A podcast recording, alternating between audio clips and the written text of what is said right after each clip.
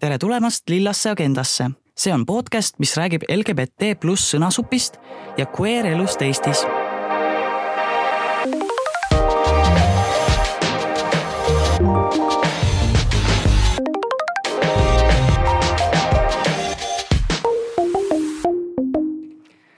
tere, Mel. tere, Paul. tänase episoodi teemaks on meil sooline üleminek ja räägime transsoolisusest ja selleks, et tuua sisse teisi vaatenurki, kutsusime külla sõbra ja aktivisti, äh, kes tegeleb oma magistritöö raames transsoolisuse uurimisega. Saara Arumetsa. aitäh ja tere, tere Mell ja tere Paul äh,. ma olen siis Saara, ma olen Tallinna Ülikooli kultuuriteooria ja filosoofia magistrant ja ma praegu üritan oma lõputööd, milles ma üritan mõtestada seesmuse ja välisuse vahelist vastuolu transsoolises kogemuses. lisaks olen ma ka aktivist, elukaaslane ja kahe kassi ema. aga kõige rohkem aega veedan ma siiski ühes Tallinna kontoris Ex Exceli tabelites oh, kassid ja. kindlasti igatsevad sind. ei usu rohkem mina neid, ma arvan. jaa ähm, mida ma tahan öelda ennem kui me saate juurde lähme, on selline suur disclaimer.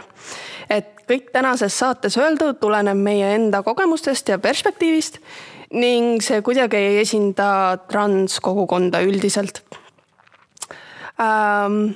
aga jah, kuna tänase episoodi teema on sooline üleminek, siis alustaks kõigepealt iseendaks, iseendast ähm,. Saara, kuidas sina enda sugu määratled? Määratlen end olenevalt kontekstis kas naise või transnaisena ja eelkõige tähendab asjaolu, et ma olen just transnaine minu jaoks seda, et kui tavapäraselt saadakse naiseks sünnil, siis mina jõudsin naissuseni hiljem ja natuke teistpidi, teistsuguseid radu pidi kui sissoolised naised.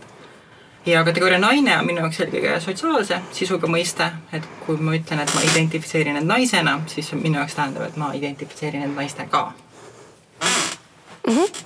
Uh ma määratlen ennast mittebinaarsena ja transinimesena. Äh, ehk siis minu identiteet jääb väljaspoole binaarset mehe-naise soosüsteeme. minu jaoks on sugu pigem voolav ja midagi, mis ei ole fikseeritud. Äh, selle tõttu on mul raske seda ka täpselt määratleda. aga üldine katusetermin mittebinaarsus on midagi, mis mulle hetkel hästi sobib ja midagi, mida ma kasutan enese määratlemiseks Cool äh,. Enda kohta nii palju, et äh, soolises mõttes ma olen meessoost. vahel ka ma tõesti mõtlen endast kui transmehest. lihtsalt sellepärast, et see on minu kogemus. aga minu pronounid on he, him mm. -hmm. Äh, Inglise keeles ma kasutan äh, sooneutraalset asesõnu they, them. Good to know ähm,. enne kui me hüppame saatesse siis seletaks lahti mõned mõisted, mis on, mida on kindlasti enamus kuulajaid teavad, aga igaks juhuks selleks, et äh, kõik alustaksid nagu samast kohast. nii, alustame siis kõige põhilisemast, transsooline.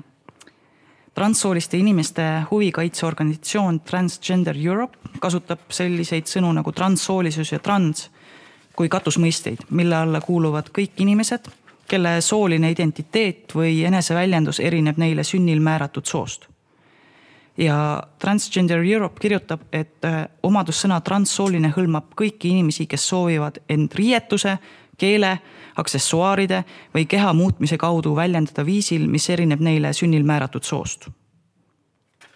lihtne, arusaadav mm? -hmm. ma arvan küll ja siis äh, sõnaga transsooline on hästi tihedalt seotud mõiste transseksuaalne mis on mõneti vanem sõna ja mida varem kasutati, kasutati selleks, et äh, tähistada kitsalt neid transinimesi, kes olid läbinud soolise ülemineku ja kes olid nii hormoonasendusteraapia kui ka kirurgia kaudu oma keha muutnud. et paljud transinimesed eelistavad siiani kasutada enda kirjeldamiseks sõna transseksuaalne, kuid selle sõna puhul on oluline meeles pidada, et see ei ole katusmõiste, nii nagu sõna transsooline mm -hmm. on, on katusmõiste ja et kui sa kasutad kellegi kirjeldamiseks sõna transseksuaalne, siis äh, sa võiksid en, enne teada, kas see inimene kasutab ka enda kohta seda sõna. kui, kui ta seda ei tee, ei tee, on soovitav seda inimest iseloomustada sõna transsooline. nii et see on nagu selline vana termin? ta on jah, just, kuigi siiani kasutusel mm. -hmm, mm -hmm ja eesti keeles on, on sõna transseksuaalsus vähemalt paistab olevat selline otsetõlge ingliskeelsest sõnast transsexuality et kui mõelda inglise keele peale, siis inglise keeles on, kasutatakse soo kirjeldamiseks nii sõnu sex kui gender ja, ja tegelikult ka sõna sexuality näiteks väl-, väljendis sexual difference.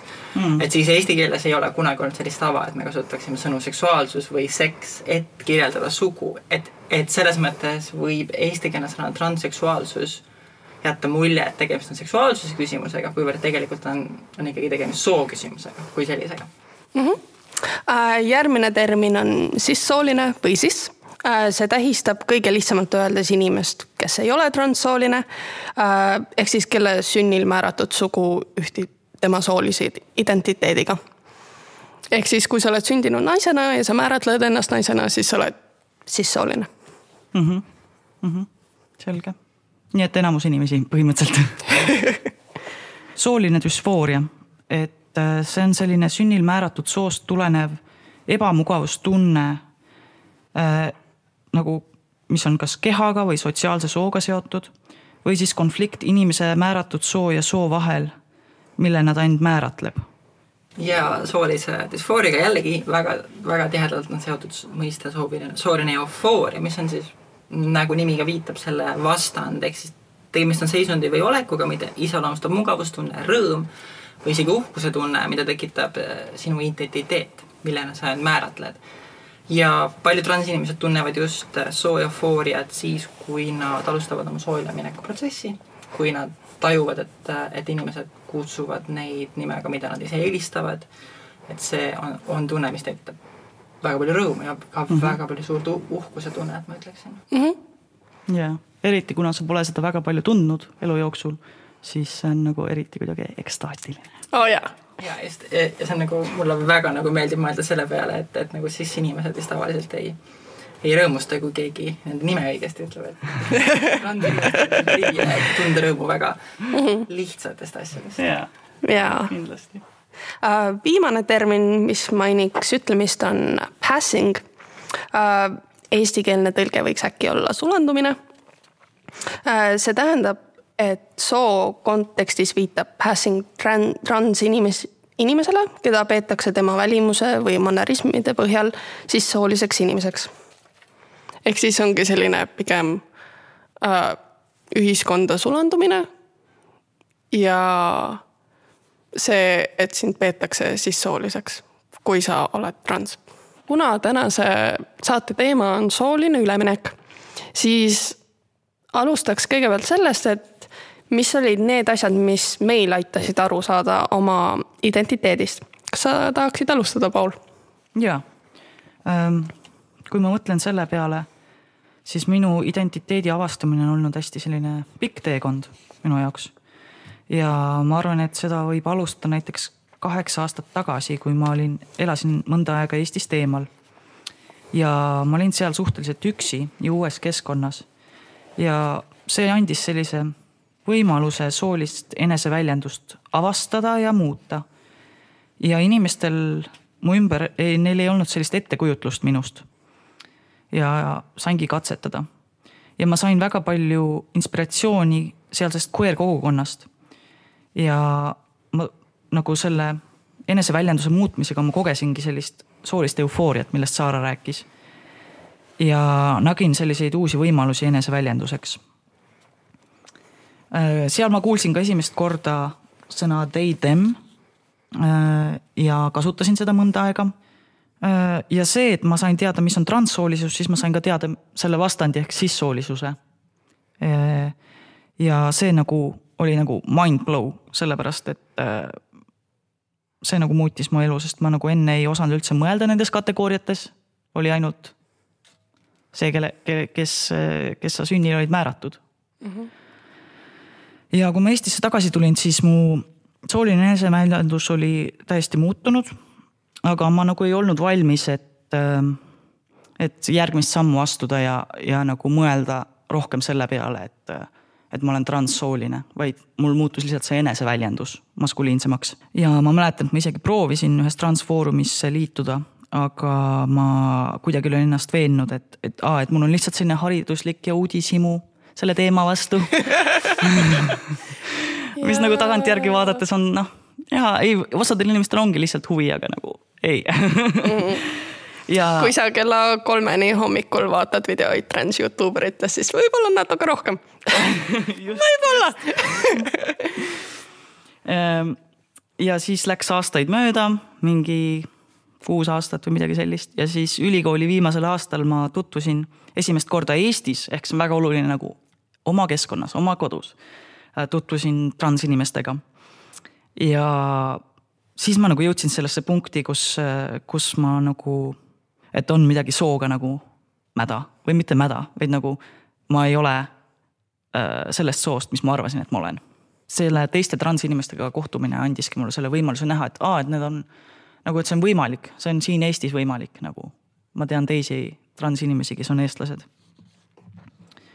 Ja see nagu aitas mul üle saada sellest hirmust. Ja siis ma hakkasin väga intensiivselt mõtlema selle peale ja tõesti nagu vaatama nagu, ma ei tea, ma olen vaadanud sadu, ma arvan, transvideosid nagu transmeestest.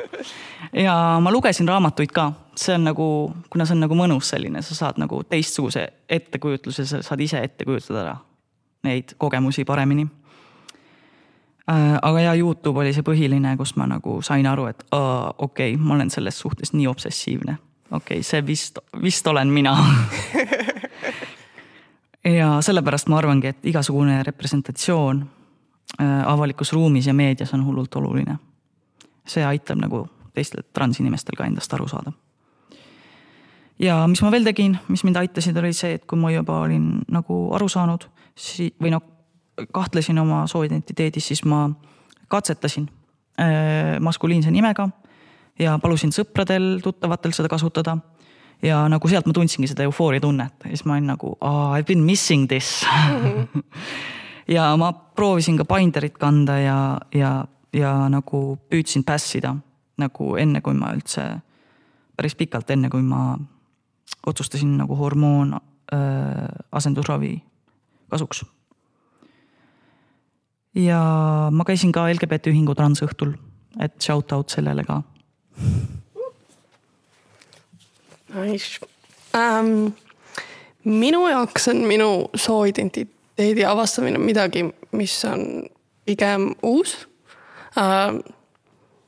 võin öelda, et minu jaoks algas võib-olla siis, kui kaks aastat tagasi ma käisin Erasmuse vahetusaastal ja see oli esimest korda, kui ma kohtusin inimestega, kes määratlesid ennast väljaspool binaarset soosüsteemi. ja siis see pani ka mind mõtlema oma sooidentiteedi üle, sest ennem see oli nii. Äh, sest ma isegi ei teadnud, et selline võimalus olemas oli, sest minu jaoks trans oli see, kuidas ma nägin ja see, kuidas seda kujutatud on, see on väga binaarne, et sa võid olla kas ainult transmees või transnaine ja seal ei ole midagi vahepeal. Aga ükski nendest ei tundunud nagu minu jaoks õige. ja ma hakkasin kui ma vahetusaastalt tagasi tulin, siis ma hakkasin päris palju mõtlema soo peale. ja see oli alguses päris segadust tekitav, kuna ükski silt ei tundunud minu jaoks õige ja naise silt tundus üha enam ja enam ebamugav ja mitte õige ja mitte hea. ja siis samal ajal ma hakkasin üha enam uurima kolmandate soode kohta ja jälgima samuti erinevaid trans Youtube ereid, kuulama podcast'e, jälgima Instagrami kontosid et, et see teema oli midagi, mis mulle väga palju huvi pakkus ähm, ma võin öelda, et mind aitas minu identiteedi avastamisel kindlasti ka mu sooline eneseväljendus äh,. sest kui ma olin vahetusaastal, siis mul oli väga-väga piiratud garderoob äh, ja mingi hetk sul saab väga kõrini sama T-särgi kandmisest, siis ma olin nagu, nüüd on aeg uusi riideid leida ja, ja see oli esimene kord ka mu elus, kui ma olin pigem iseseisev ja ma sain valida neid riideid, mida mina tahtsin kanda ja mis mulle head tundusid. ja siis ma hakkasin panema tähele, et intuitiivselt ma hakkasin rohkem maskuliinsemaid riideid kandma või siis androküünsemaid. ja see tundus palju parem kui riided, mida ma ennem kandsin ähm, võib-olla üks asi, mis veel aitas mind, oli see, et samal ajal ma hakkasin katsetama ka drag'iga. ja see oli ka omamoodi selline turvaline ruum, kus äh, proovida maskuliinsust ja mis tundub hea ja mis mitte. ja sealt sündis ka minu drag character, Major Danger äh, kellena ma ikka veel laval mõnikord esinen äh,. ja, aga ma arvan, et see samm, mis kõige rohkem mind aitas, oli see, et ma hakkasin sellest rääkima teiste inimestega. ja see ei olnud ainult asi ähm,. et ma sain nagu teistelt ka tagasisidet. ja see aitas mul endast nagu palju paremini aru saada. ja, ja., ja ma tahan öelda, et nagu see on midagi, mida ma ikka veel avastan, ma ei ole nagu ikka veel sada protsenti täiesti kindel, mis see mu sugu on Äh, ja ma arvan, et see on täiesti okei okay. ja see peaks olema normaliseeritud. et see on okei okay,, kui sa ei tea. ja nagu jah. Ja ma olen teie mõlemaga nagu täiesti nõus, et need kaks põhilist või hästi olulist asja on see, et esiteks on nagu, nagu näha ennast maailmas, näha enda peegeldust maailmas, kas siis siis oma sõprusringkonnas või, või meedias ja näha, et, et, et niimoodi võib ka maailmas olla mm. -hmm. see on okei okay., see on, ma arvan, hästi oluline, et selleks, et, et, et, et aru saada, kes sa oled ja kes sa üleüle, üleüldse võiksid olla mm. -hmm. ja siis teiseks kindlasti oma, oma sõpradega rääkimine ja nendega koos mm, püüda aru saada oma tunnetest ja siis ka proovida mingeid erinevaid keelelisi tähistusi, et mis, mis paremini sobiks sinu jaoks. jah, mhm. jah, just see mm. -hmm.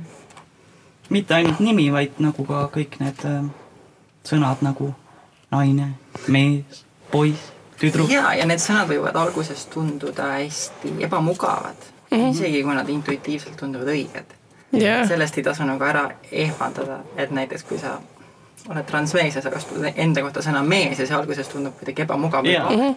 see on loogiline, et see tundub ebamugav ja vale, sest et sul on terve elu öeldud, et sa ei ole mm -hmm. mees.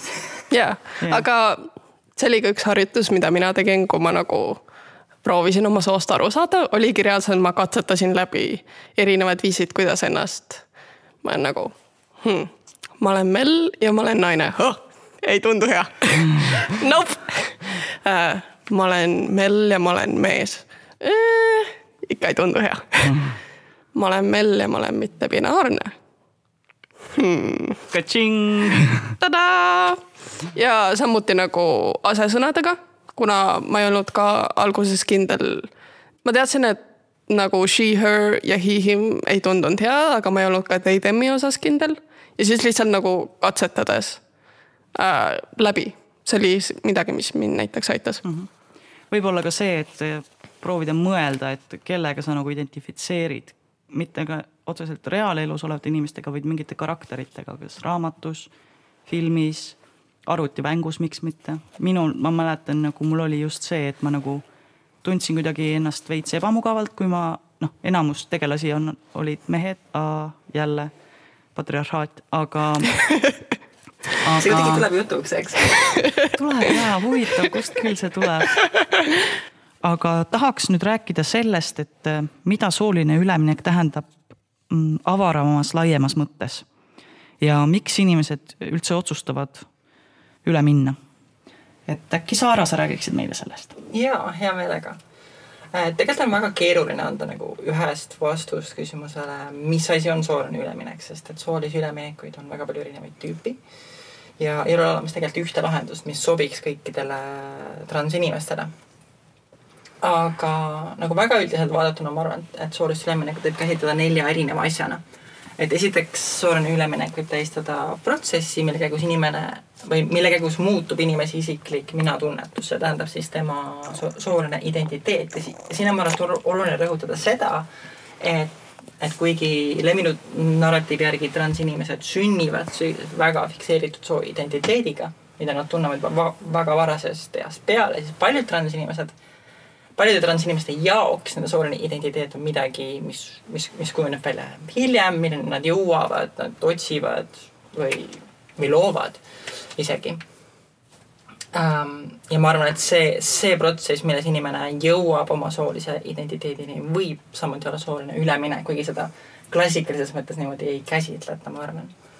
Äh, teiseks äh, võib äh, sooline üleminek tähistada protsessi, milles inimene muudab oma sotsiaalset rolli, positsiooni, tähistust või eneseväljendust, et, et see on siis nagu see koht, kus inimene ähm, võtab sotsiaalselt üle mingi muu soorolli kui see, mis talle oli sündides määratud, mis on muidugi äh, binaarse soo identiteediga palju lihtsam, sest et sul on ette antud, et mehed on sellised yeah., naised on sellised Äh, aga mittebinaarsena on see kindlasti palju keerulisem, sest et sul ei ole nagu tegelikult seda ette antud ähm, rolli, vaid sa pead seda kuidagi leiutama, leidma ja see on palju ke keerulisem äh,. kolmandaks võib see ol-, olla nagu see protsess, kus inimene muudab oma ju juriidilist soomarkerit ähm,. ehk siis ta läheb E-, Eestis läheb ta siis Tallinna linnavalitsusse, teeb avalduse ja kuskil nädala pärast saab ta vastuse, et tema nimi, mm, soomarkeri ja isikukood. ja isikukood on muutunud, kui, kui see inimene läbib siis nii-öelda ka meditsiinilise soolise ülemineku, millest me räägime, räägime hiljem, natukene hiljem tegelikult jah. ja neljandaks võib see tähistada ka protsessi, milles inimene, mille käigus inimene muudab oma keha erinevate meditsiiniliste protseduuride abil, näiteks kirurgia või, või hormoonasendusteraapia. ja seda nimekirja võib kindlasti täiendada, see, see, see ei ole lõplik ja sest noh, näiteks keha saab muuta tegelikult ka füüsilise trenniga ju mm. -hmm. ja ma ei ole isegi kindel, et kuhu me füüsilise trenni nende nelja asja osas paneme. ja, ja, ja võib saavutada suht samasuguseid tulemusi või isegi paremaid, et kui sa oled nagu transmees, kes võtab hormoone, siis kõik eeldavad, et sul hakkavad kohe mingid musklid kasvama yeah,, aga just, nagu just, kui sa trenni ei tee, siis need ei kasva. Jaa, täpselt. Ja, ja ma arvan, et on hästi oluline, mida soolise ülemineku puhul nagu silmas pidada, on see, et need neli asja, mis ma just mainisin äh,, ei pea käima koos. ja reaalses elus nad väga tihti ei käigi koos, inimesed kombineerivad neid vastavalt võimalustele ja vastavalt vajadustele tegelikult. Ja nagu transsoolisust nagu veel rääkides, on see, et üks levinumaid kujundeid, mida just üleminekust rääkides kasutatakse, on, on, on piiride ületamine mm. -hmm. see, see kujund on tegelikult jäädvustatud ka sellesse, kuidas transinimesi nimetatakse, et sõna trans tuleb ladina keelest, see tähendab ületama, läbima või teisel pool. Äh, transinimestest mõeldakse järelikult subjektidest, kes ületavad piire, läbivad midagi, lähevad ühelt poolt teisele poole ja nii sooline üleminek kui ka, kui ka transsoolisus on, on, on selles mõttes ruumilised terminid ja nad manavad silme ette kujutlusi liikumisest, kuhugi minemisest, millegi ületamisest ja mul, mulle isiklikult see väga meeldib. jaa, ma just et, tahtsin öelda, et see on väga tore tegelikult. jaa, sest et see liikumine annab ka sellise kujutluse, et tegemist on tegelikult protsessiga mm. -hmm. sa väga ei tea, millal see võib-olla algas, sa ei tea, millal see lõpeb, kas see lõpeb, et see ja see ei toimu hetkes, vaid see ulatub üle terve mingi eluperioodi või isegi mõnel juhul üle terve elu mm. -hmm.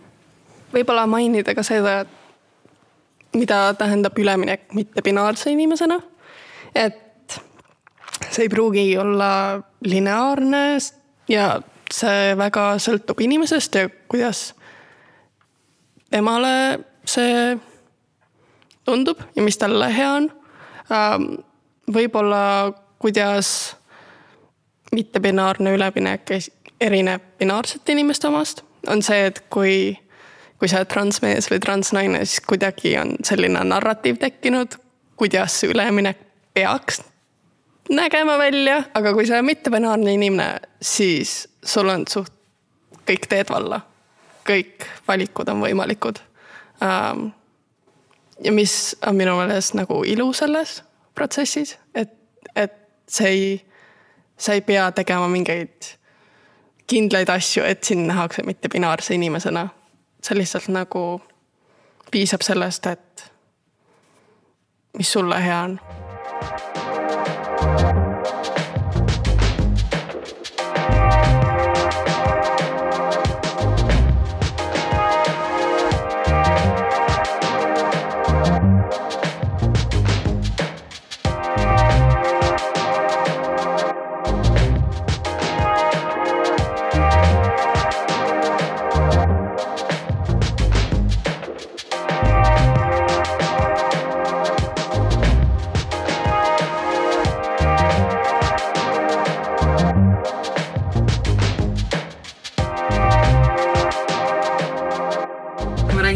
sest et miks inimesed otsustavad üle minna ja mis on nagu kindlasti küsimus, mis paljudel tekib, arvestades selliseid äh, populaarseid kujutlusi transsoolisusest, mis on võrdlemisi kurvad võrdlemisi, võrdlemisi. et miks keegi otsustab, otsustab selle kasuks, et see on huvitav küsimus, ma arvan. sellest rääkides on kindlasti oluline mainida, et, et, et, et valik üle minna on tegelikult paratamatult seotud ka mitmete sotsiaalsete tingimustega, mis ei ole alati indiviidi enese kätes, et näiteks et näiteks, näiteks kuidas ühiskonnas suhtutakse üleüldse, üleüldse transinimestesse, et kas ma kas sooline üleminek võib mu elu ohtu seada? väga mm -hmm. oluline küsimus äh,. ja kas mu ümber on inim-, in, in, inimesi, kes mind toetavad, kas mul on ligipääs äh, soolist üleminekut toetavale te tervishoiule ning muidugi, kas ma üleüldse saan. ning, ning olgugi, et sooline üleminek on keeruline, see paneb meid äh, indiviididena marginaliseeritud positsiooni, siis ometigi inimesed otsustavad üle minna. ja peavoolu, peavoolu arusaam ja selline meditsiiniline ravile orienteeritud diskursus ütleb, et, et inimesed otsustavad üle minna, sest nad kogevad soolist düsfooriat ja neil on oma keha, kehas ebamugav ja üleminek aitab kas sellest düsfooriast täiesti vabaneda või seda vähemalt mingil määralgi leevendada. Ja meditsiinilisest perspektiivist vaadatuna on düsfooria leevendamine see, mis õigustab soolist üleminekuid kui sellist. Ja näiteks ka, et kui, kui me mõtleme tervisekindlustuse peale, et siis, siis, siis paljude inimeste jaoks on kindlasti ka see, et, et kui,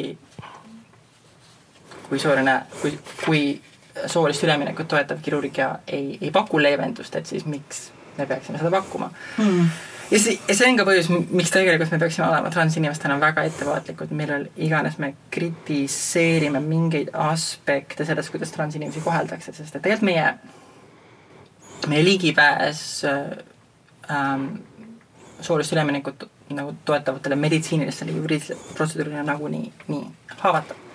haavatav ja ta ei ole nagu äh,, ta ei kata kõikide inimeste vajadusi ja ta ei, ta noh, ta ei ole sada protsenti toetatud üldse. jah, seda ka. ja nagu jah, paljude inimeste jaoks on ka see rahaline pool see, et sa pead ise kõik äh, maksma need äh, näiteks need operatsioonid mm, -hmm. on nagu näiteks väga suureks takistuseks. ja nagu see on noh, nii ja naa on ju erinevates riikides, kuidas see on, kuidas see on äh, kaetud. jaa, just.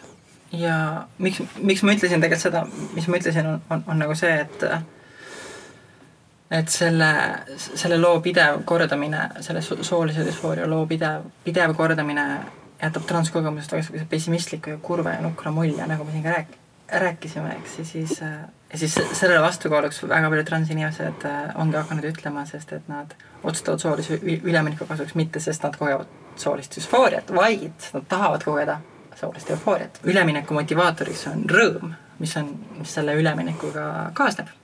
ja ja selles mõttes, et, et, et seda lugu on, ma arvan, natukene ohtlik rääkida. ma isiklikult nagu tunnen kogu aeg nagu seda, et, mida ma võin öelda, et mitte panna teisi transinimesi veel halvemasse olukorda, kui nad praegu on. sest et ma, ma tahan olla väga kriitiline soolise düsfooria diskursuse suhtes, aga ma kardan olla liiga, liiga kriitiline, sest et sooline düsfooria diskursus on, on hetkel see, mis, mis lubab transinimestel meditsiiniliselt ja juriidiliselt üle minna. binaarsetel transinimestel ma peaksin siis täpsustama äh,. aga, aga ma arvan, et kui, kui rääkida soolisest düsfooriast ja soolisest eufooriast, siis, siis hästi oluline on tegelikult see, et me transinimestena kogeme mõlemad tavalised inimesed, me oleme kolmemõõtmelised, me, me oleme, me kogeme keerulisi, vastuolulisi emotsioone. ja selle. transinimesed on nagu inimesed, inimesed ei saa aru ja, ja kuidagi nagu selle rõhutamiseks üks, üks Ameerika transfilosoof Talia May Petcher on hakanud kasutama sõna sooline fooria In,, inglise keeles genderphoria, selleks, et mis, mis koondab e-, endale nii soolist düsfooriat kui ka soolist eufooriat, sest et räägib mm, -hmm. et tegelikult see kõik käib ühe elatud kogemuse alla. jaa. ja mõlemad on selles mõttes, kui, kui me räägime soolisest üleminekust, siis mõlemad võivad ja mõlemad tegelikult ka on motivaat-, motiveerivad jõud mm -hmm. üle minna. jaa, selles mõttes, et, et kuigi see jah, see düsfooria narratiiv on nagu väga mainstream ja see on olnud väga pikka aega, siis äh, seda ei saa jah, lõplikult nagu ära kaotada, sest need ei ole päris nii, et äh, noh, et eufooria on ainus asi, mida sa tunned, aga see on, seda on lihtsalt hakatud rõhutama sellepärast, et äh, et tuua seda tasakaalu ja kuna see reaalselt eksisteerib ja sellest ei ole nii palju räägitud. jah. jaa, absoluutselt. aga siis ähm, milline on siis see transseadus, mis kehtib Eestis? mida, mida Eestis üldse reguleeritakse nagu riigi poolt? ja Eestis on tegelikult äh, ainult, et soolist üleminekut reguleerib Eestis tegelikult ainult üks määrus. ja selle määruse nimi on soovahetuse arstlike toimingute ühtsed nõuded ja see pärineb aastast tuhat üheksasada üheksakümmend üheksa. ja ehk siis see on üle kahekümne aasta vana määrus, seda ei ole vahepeal sisuliselt muudetud ega, ega täiendatud. ja sellest rääkides on tegelikult minu arust oluline rõhutada, et, et omal ajal oli see tegelikult vägagi progressiivne ja väga õhuke seadus. näiteks see määrus ei seadnud soo tunnustamise protsessi läbimise eeldusteks steriliseerimist ega ka genitaaloperatsiooni. Et siin võib võrdluseks tuua Soome, kus äh, transinimesi steriliseeritakse tänaseni.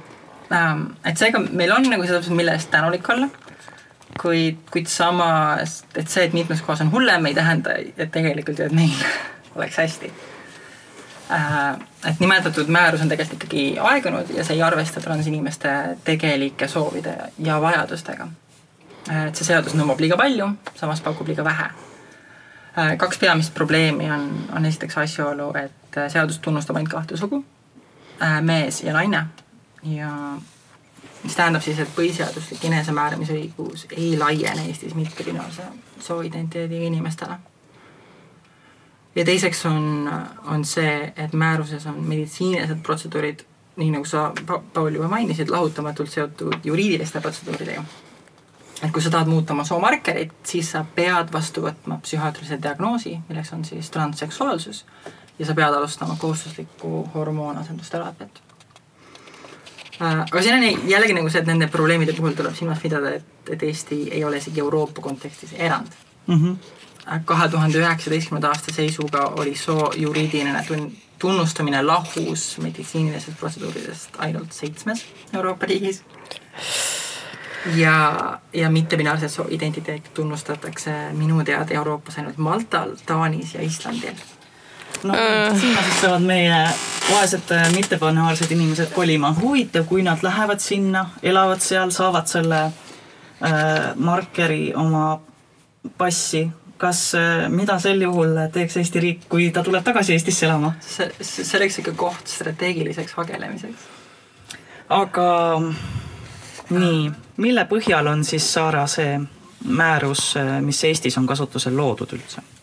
et see Eesti määrus tegelikult loodi üsna üks-ühele Maailma Terviseorganisatsiooni ehk siis WHO rahvusvahelise haiguste klassifikatsiooni kümnenda versiooni põhjal, mis siis loodi aastal üheksakümmend kaks ja Eestis vist rakendati aastal üheksakümmend neli, kui ma ei eksi. ja, ja selles siis ähm,, ehk siis lühidalt RHG kümme, et, et selles siis defineeritakse transsoolisust, kui ma nüüd tsiteerin, need ei ole minu sõnad äh,, soovi elada ja olla hinnatud kui vastassugupoole esindaja harilikult kaasneb ebamugavuse ja mittevastavuse tunne seoses oma anatoomilise sooga ning soov saada kirurgilist ja hormoonravi, et muuta oma keha võimalikult vastavaks eelistatava sugupoole omale. tsitaadi lõpp. Äh, ja siis diagnostikas anna, annab Maailma Terviseorganisatsioon järgmised juhised. ma jälle tsiteerin, igaks juhuks ütlen transseksuaalne identiteet peab esinema püsivalt vähemalt kahe aasta vältel ei tohi esineda mingi teise psüühikahäire, näiteks skisofreenia sümptomeid ega olla seotud hermafrodiitsuse, geneetilise või sugukromosoomide ebanormaalsusega. Eesti seadus defineerib transsoolisust täpselt nii, nagu Maailma Terviseorganisatsioon tegi seda aastal tuhat üheksasada üheksakümmend kaks. ehk siis seaduse silmis on transinimesed. ehk siis kolmkümmend aastat tagasi kolm... praktiliselt. jah, just, just, ehk siis sa oled transinimene siis, kui sul on binaarne sooidentiteet, seega Paul ja mina, palju õnne mm. -hmm. Yeah. veel, mul on kahju.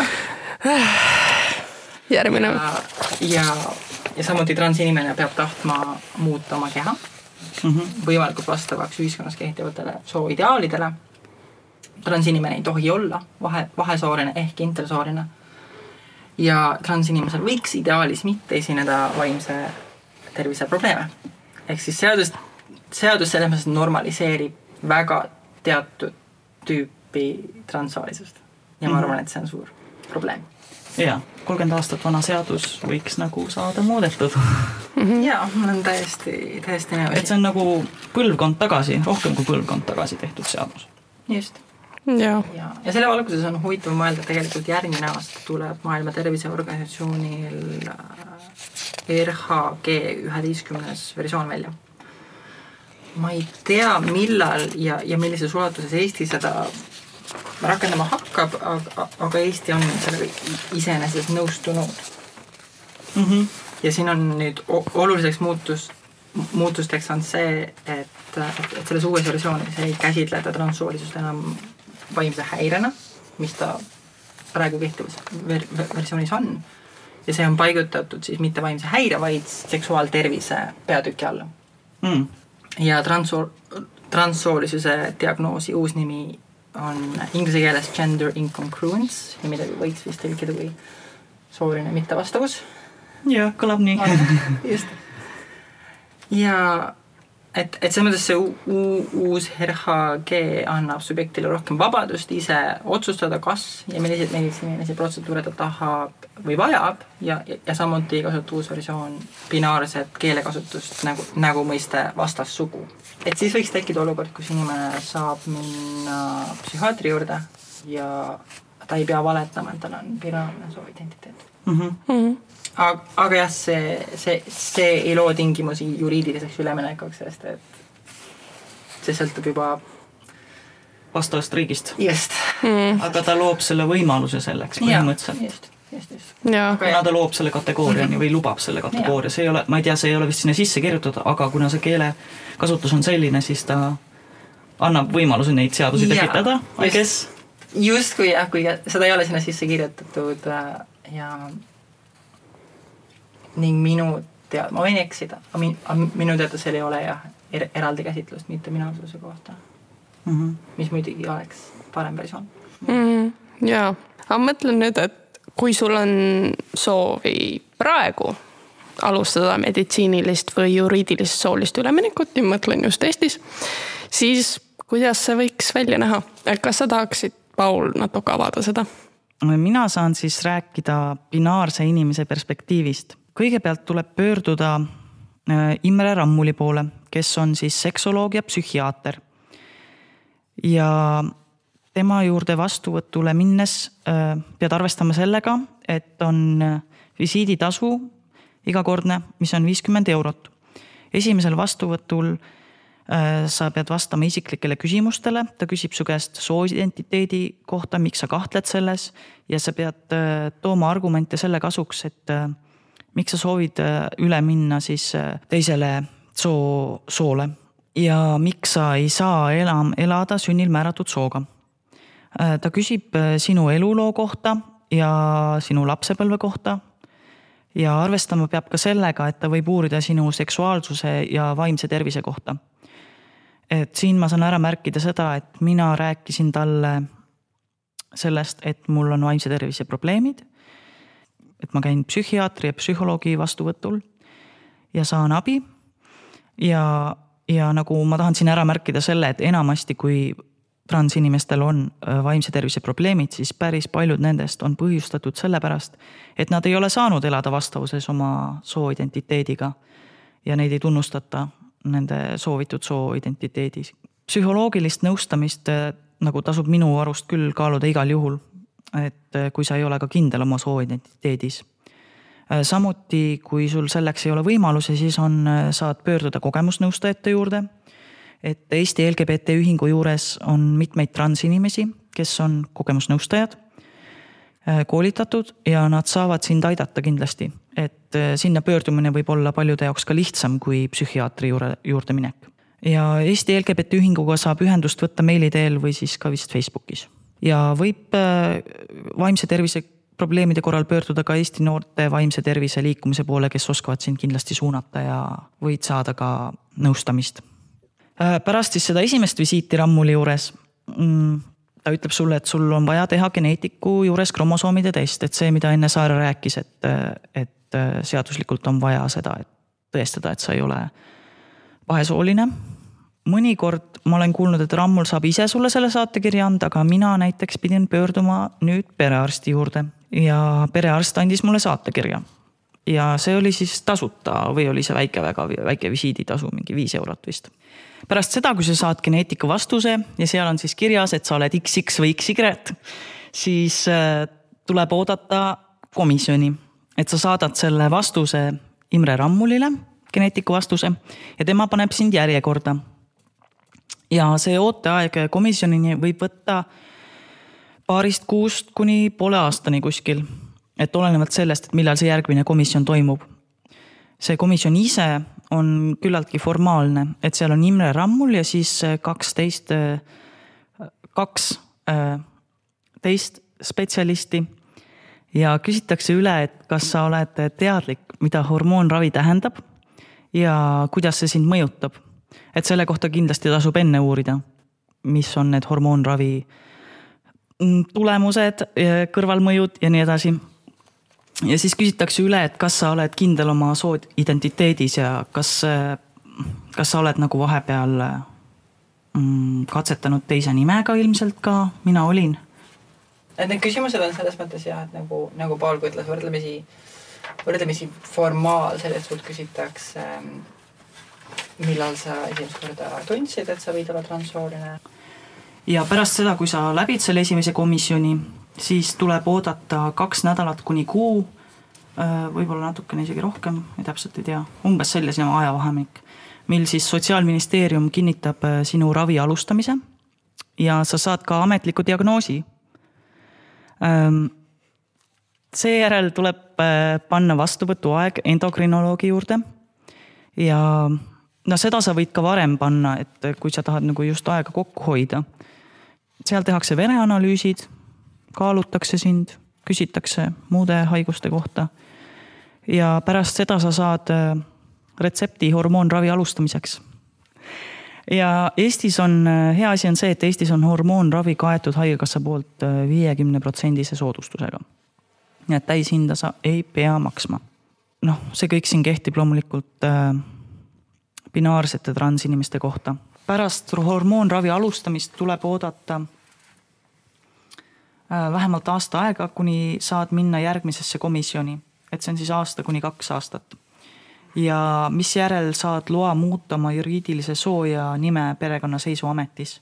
et selle eest sa siis juba enam ei, ei pea maksma et käid selles teises komisjonis ära ja siis sa saad Rammulilt ähm, tõendi selle kohta, et sa oled transsooline ja siis sa saad, võtad selle dokumendi, saadad selle perekonnaseisuametisse ja käid seal ära ja ongi nii. on uus isikukood, nimi ja soomarker. ja siis vahetad dokumendid ära ja et see, siin tuleb küll arvestada jällegi nende riigilõivudega, dokumentide vahetamise mm -hmm. pead sa ise tasuma. Ja, et kui sa oled mittebinaarne inimene, siis need võimalused on suht piiratud. noh, tulenevalt sellest randseadusest, nagu me ennem rääkisime, mis äh,, mis ei tunnusta mittebinaarseid inimesi. aga mingid võimalused siiski on. näiteks äh, kui sa tahad muuta oma nime, siis see on võimalik juhul, kui see on sooneutraalne nimi.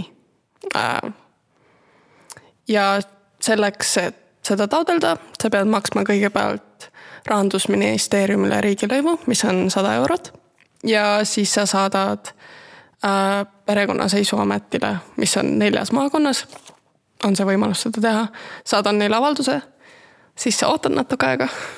ma näen siin teemat tulemas, palju ootamist. Äh, ähm, ja siis, kui neil ei ole mingeid probleeme selle sinu avaldusega, siis peaks olema võimalik see nime muutus. kahjuks aga ei ole võimalik soomarkeri muutus. Äh, see on ainult võimalik siis, kui sa tahad muuta seda kas siis naiseks või meheks, et ei ole võimalust saada seda X-i või siis võiks ka lihtsalt selle soomarkeri osa ära kaotada ID-kaardilt äh, mis oleks ka võimalus, aga seda kahjuks ei ole ähm,. Operatsioonidega on see, et kahjuks haigekassa ei kata seda finantsilist tuge ei ole võimalik riigi poolt saada, aga sul, kui, kui sa tahad, sul on võimalik pöörduda erakliiniku poole ja sealt saada äh, abi. aga need on nagu kõrgemad äh,. sa pead ise maksma omast taskust, kui sa seda tahad. võib-olla selle kogu selle protseduuri e, juures peaks kommenteerima ka seda, et, et, mis on Eestis soo ülemineku üks kitsaskoht, kui me räägime sellest ametlikust seaduslikult, seadusliku soojuletamises, et siis selle üks kitsaskoht on see, et seda te tegelikult kontrollib monopol.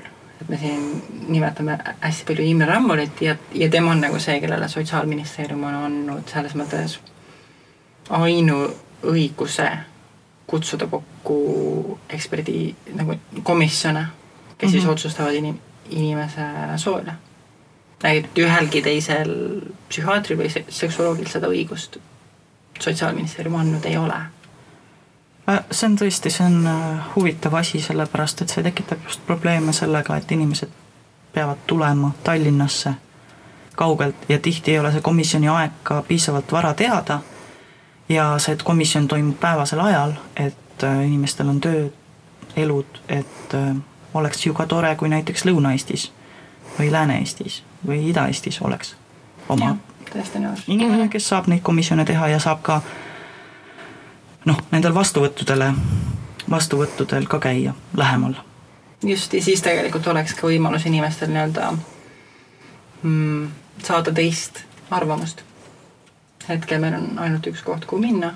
kui tema peaks andma sulle negatiivse hinnangu, siis sul ei ole kuhugi mujale minna tegelikult see protsess, mis te praegu kirjeldasite, tundub päris pikk ja osati ka natuke keeruline et on täiesti loomulik, kui on tekkinud küsimusi selle, sellega seoses või inimestel tahavad rohkem sellest teada.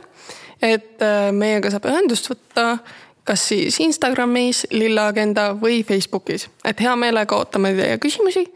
Ähm, järgmises episoodis me räägime ähm, transsoo stereotüüpidest ja ka transnormatiivsusest ja siis hea meelega vastaksime ka kuulajate küsimustele, mis on tekkinud selle episoodi põhjal. ma tahan öelda suured-suured-suured tänusõnad äh, meie tänasele saatekülalisele, Saara Arumetsale, aitäh, et sa tulid. aitäh, et te kutsusite, väga hea meel, ma sain siin olla. ja, ja aitäh sulle, Paul ka. aitäh, Mel